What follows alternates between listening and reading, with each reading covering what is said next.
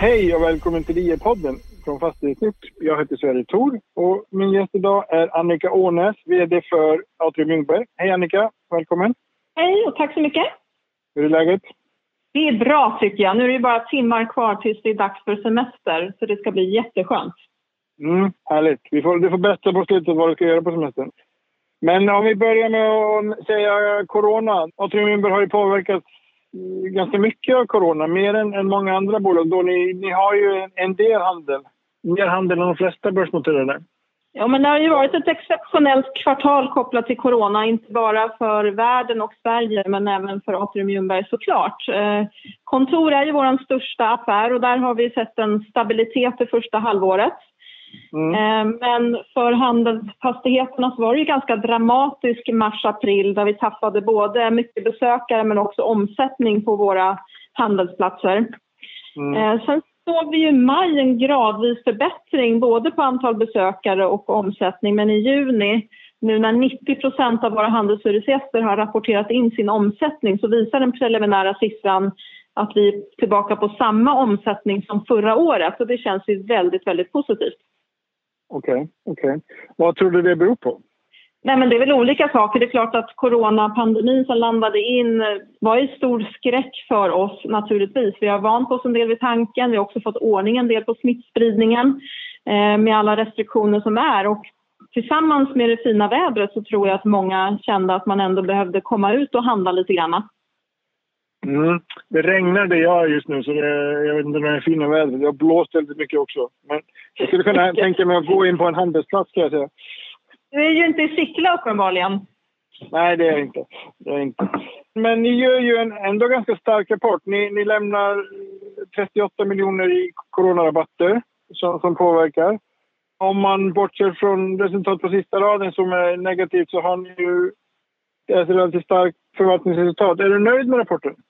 Ja, men rapporten ligger i linje med våra förväntningar och kanske något bättre med tanke på de här rabatterna. Vi, vi gav ju en slags hint om vad vi trodde om tillfälliga rabatter redan i Q1-rapporten där vi pratade om 45 miljoner. Nu landade mm. de ut på 38 miljoner. Eh, och det är ju så att tittar man på våra hyresgäster så är det vissa som haft det väldigt tufft. Det är framförallt beklädnad, skor, restaurang och café. Men det finns ju också vissa hyresgäster som har gått bra eller till och med bättre de senaste månaderna. Vi har ju dagligvaror, elektronik, hemmafix, fritid till exempel som har gått starkt. Så att, eh, vi har gjort individuella bedömningar till våra hyresgäster om vilka som har haft behov eller störst behov av de här rabatterna och det är de som också har erhållit dem. Men sen är det viktigt att förstå när man tittar på vårt förvaltningsresultat är att vi också påverkas av sålda fastigheter där vi förra året sålde bostäderna i Kista och att vi har sålt Farsta centrum. Och de här mm. försäljningarna har ju verkligen stärkt vår balansräkning och vi har en belåningsgrad nu på 41 procent. Mm, mm. Men, men, å andra sidan så finns det ju en, en liten resultateffekt då, att det inte blir lika... Det är inte samma intäkter. Självklart blir det ju så. Men jag tycker också att i det här läget vi står nu inför, där vi inte riktigt vet vilken konjunktur vi kliver in i, så är det väldigt viktigt att ha en finansiell stabilitet. Och vi står ju nu med den här balansräkningen och låga belåningsgraden väl rustade för framtiden. Eh, mm. och det borgar ju också för en möjlighet att genomföra den här fantastiska projektportföljen som vi har framåt. En möjlighet att investera de här 32 miljarderna inom den marken vi äger och markanvisningen vi har. Och då ska man komma ihåg att 80 procent av vår projektportfölj är ju befintliga eller kommande tunnelbanelägen i Stockholmsområdet. Eh, och det är en väldig styrka i det. Mm, mm.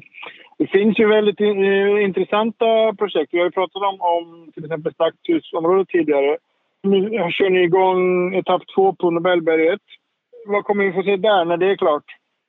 Eh, etapp två på Nobelberget den eh, beslutade vi nu. Vi räknar med en byggstart i september under förutsättning att vi får bygglovet, vilket vi bedömer att vi ska få klart då.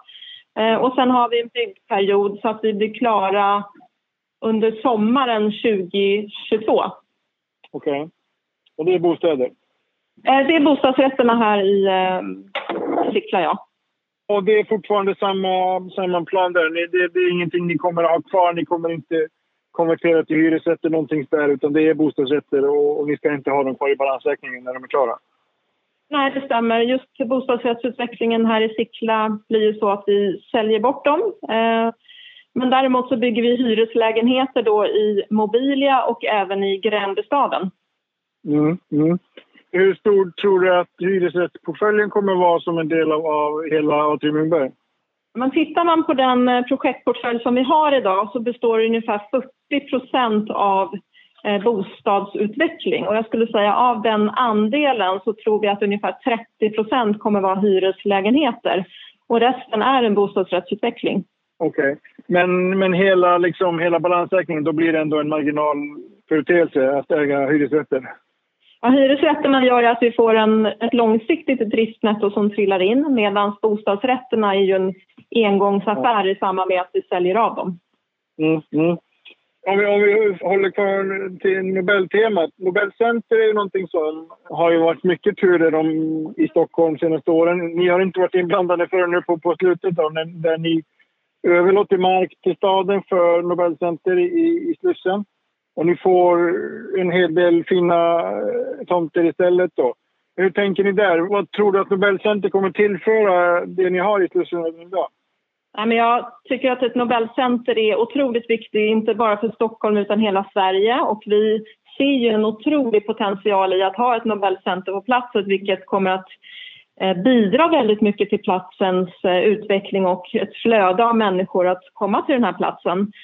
Så vi tycker att det är jätte positivt och naturligtvis kommer också stärka de andra markanvisningarna som vi har i området. Vi har ju en kontorsbyggrätt, vi har ju Mälarterrassen där det blir både kultur, restauranger och så vidare.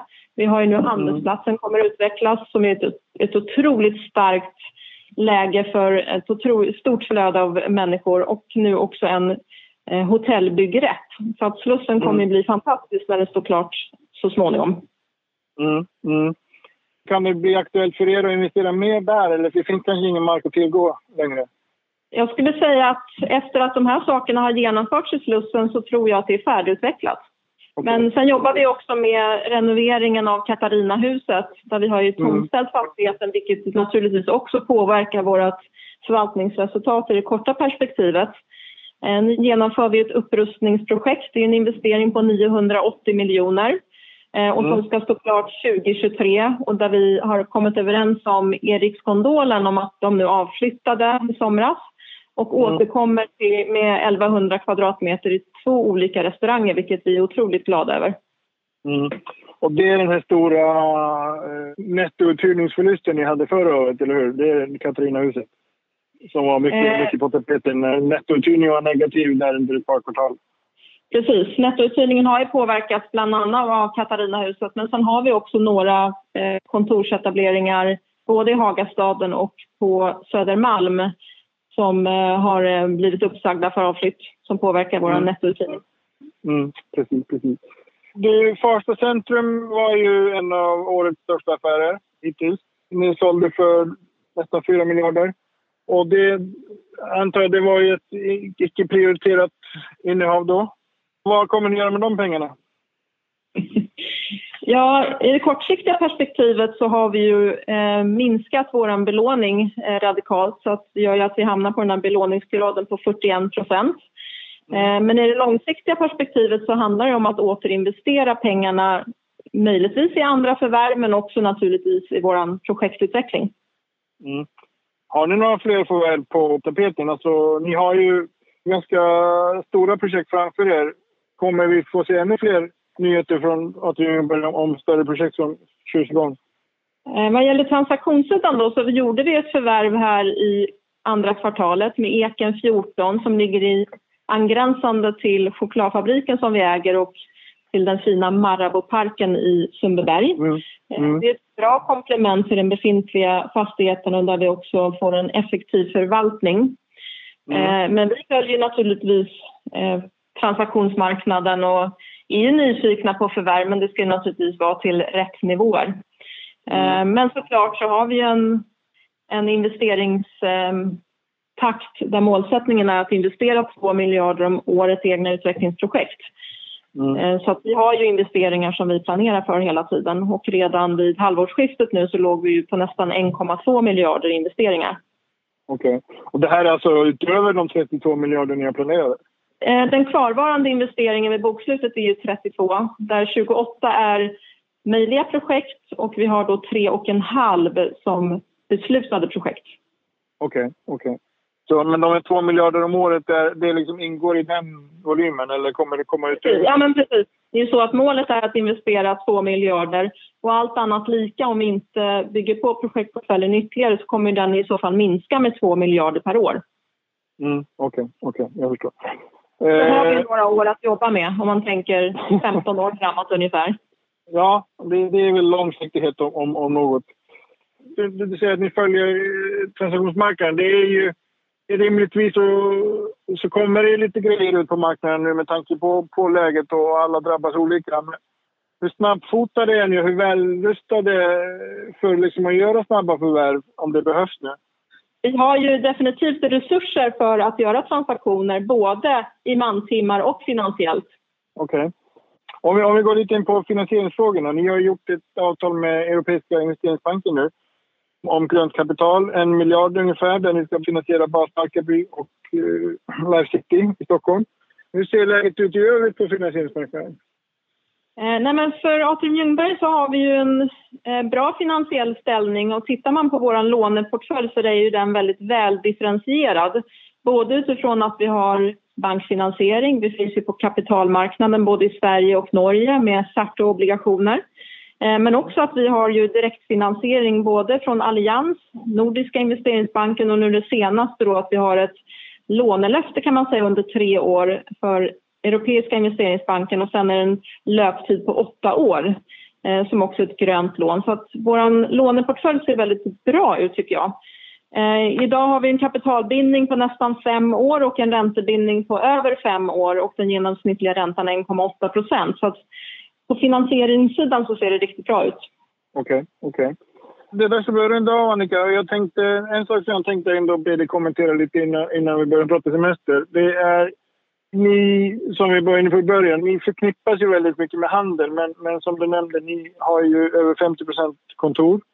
Handeln har gått igenom en, vad ska man kalla det, metamorfos de senaste åren och, och nu är det många som spår samma utveckling för kontorssidan.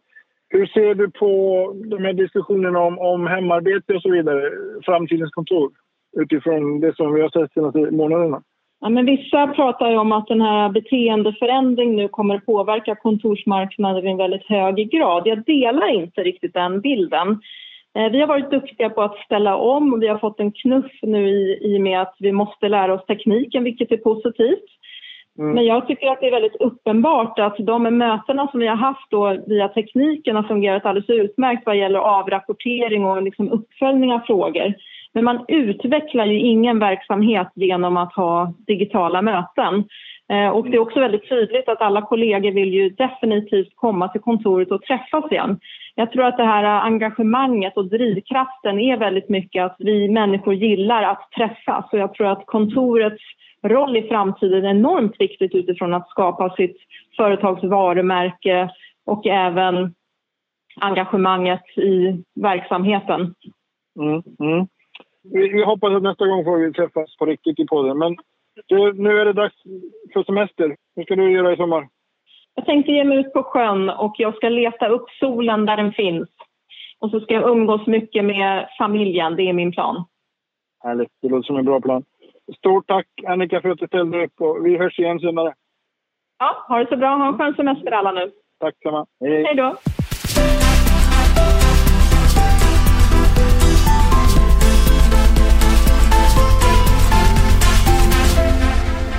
Det här programmet görs på Beppo. Beppo. Beppo. Beppo.se